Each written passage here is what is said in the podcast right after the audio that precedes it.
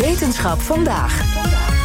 En collega Martijn Rosdorf is in de studio. Hey Martijn. Hi Lisbeth. Jij komt uh, met groot nieuws over borstkanker. Nou ja, het tijdschrift Nature komt met groot nieuws over borstkanker. De kop van het bericht: A huge leap in breast cancer survival rate. Grote sprong voorwaarts als het gaat over de overlevingskansen van borstkanker. Nou, onmiddellijk heb ik natuurlijk gebeld met Antonie van Leeuwenhoek, het NKI.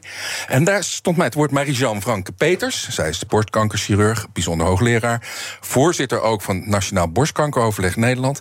Nou, ik vroeg natuurlijk aan wat zegt me dat nou, zo'n kop in zo'n gezaghebbend tijdschrift?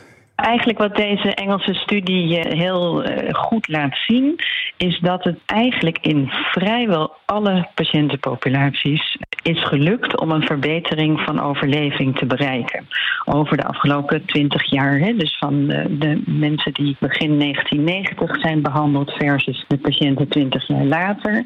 Bij vrijwel alle subgroepen. De enige subgroep waarbij dat niet is bereikt, is bij de patiëntengroep ouder dan 80 jaar met een hormoonongevoelige tumor.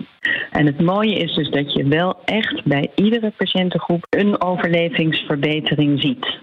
Nou, dat klinkt inderdaad als goed nieuws. Heel veel vrouwen over de hele linie.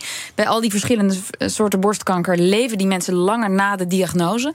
Maar ja, de vraag is natuurlijk, hoe komt dat? Ja, dat heb ik natuurlijk ook gevraagd aan Marie-Jean Franke. Eh, zoals zo vaak is er niet één verklaring voor al die betere vooruitzichten.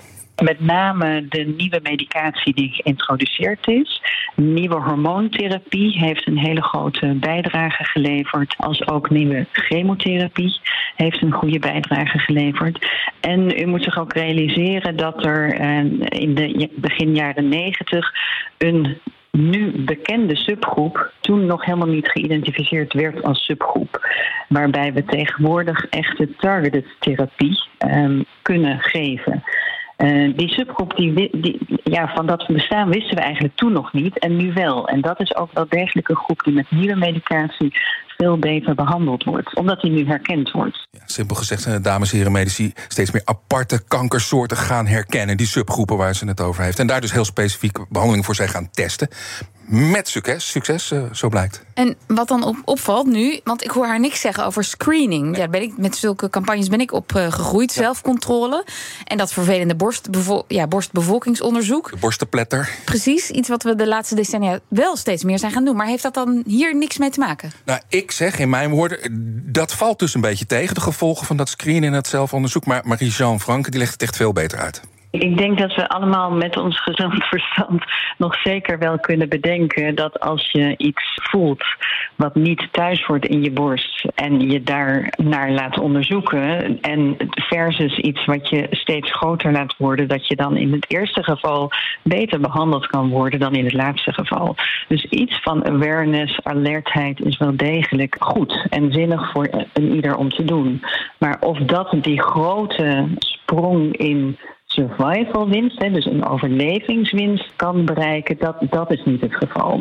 Uh, maar de grootste winst die we hebben kunnen bereiken op het verbeteren van de overleving zit hem echt in het beter kunnen identificeren van subgroepen en daarmee ook beter de medicatie kunnen inzetten. Oké, dus, dus dat screenen is zinvol, maar de winst, de echte winst, komt dus vooral van nieuwe medicijnen en het beter herkennen van die verschillende soorten kanker. Ja, dat is exact wat ik begrijp uit, uit haar woorden. We moeten even een zijstapje maken op, zoek van, uh, op verzoek van professor Franke, maar ook de borstkankervereniging die ik vanochtend sprak. Dit soort berichten zijn altijd heel positief, heel goed nieuws, maar niet voor iedereen, niet voor alle kankerpatiënten. Vrijwel iedereen kent iemand die onlangs borstkanker niet heeft overleefd of het niet gaat overleven. En daar moeten we niet aan voorbij gaan. Professor Marie-Jean Franke. Dus hoewel we wel in staat zijn om de overleving voor steeds meer vrouwen, um, uh, ja, steeds meer vrouwen leven uh, langer na de diagnose borstkanker. Maar er zijn er helaas ook nog steeds te veel die wel aan de diagnose overlijden. En, en dat wordt natuurlijk ook de voornaamste focus voor de komende tien jaar weer. Dat we ook daarvoor meer moeten hopen uh, kunnen gaan doen. Ja, het onderzoek moet dus doorgaan, logisch. Er overlijden nog te veel vrouwen aan moeilijk te behandelen vormen van borstkanker. Ze stipt ook niet iets anders aan. Het niet behandelen, dat kan soms ook heel uh, handig of ja, goed zijn voor een patiënt. Als namelijk het middel erger is dan de kwaal. Kanker met een goede overlevingskans. Soms moeten we kiezen om niet te behandelen, zei uh, Jean-Marie mm. Franke tegen mij. Dat, dat kan ook goed zijn voor de patiënten. Maar duidelijk is borstkanker nog niet onder controle. Dat betekent nog weer behandelen op maat. Dat komt bij borstkankerbehandeling eigenlijk altijd uh, terug.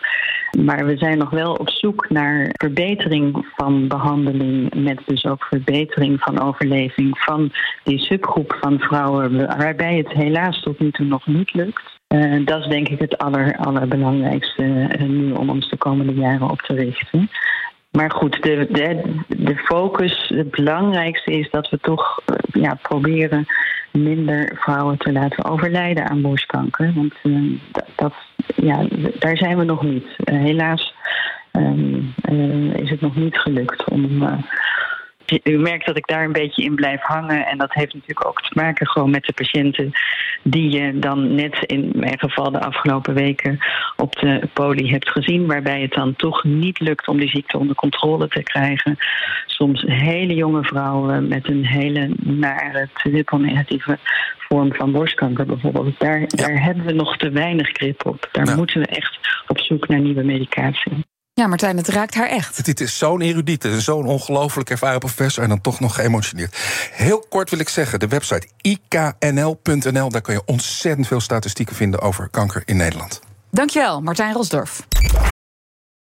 Ook Liesbeth Staats vind je in de BNR-app. Ja, heel handig. Luister live naar Kees en mij tijdens de Daily Move. Dan blijf je ook gelijk op de hoogte van breaking news en het laatste zakelijke nieuws. En daar vind je ook alle BNR-podcasts, waaronder de Perestrooikast. Download nu de gratis BNR-app en blijf scherp.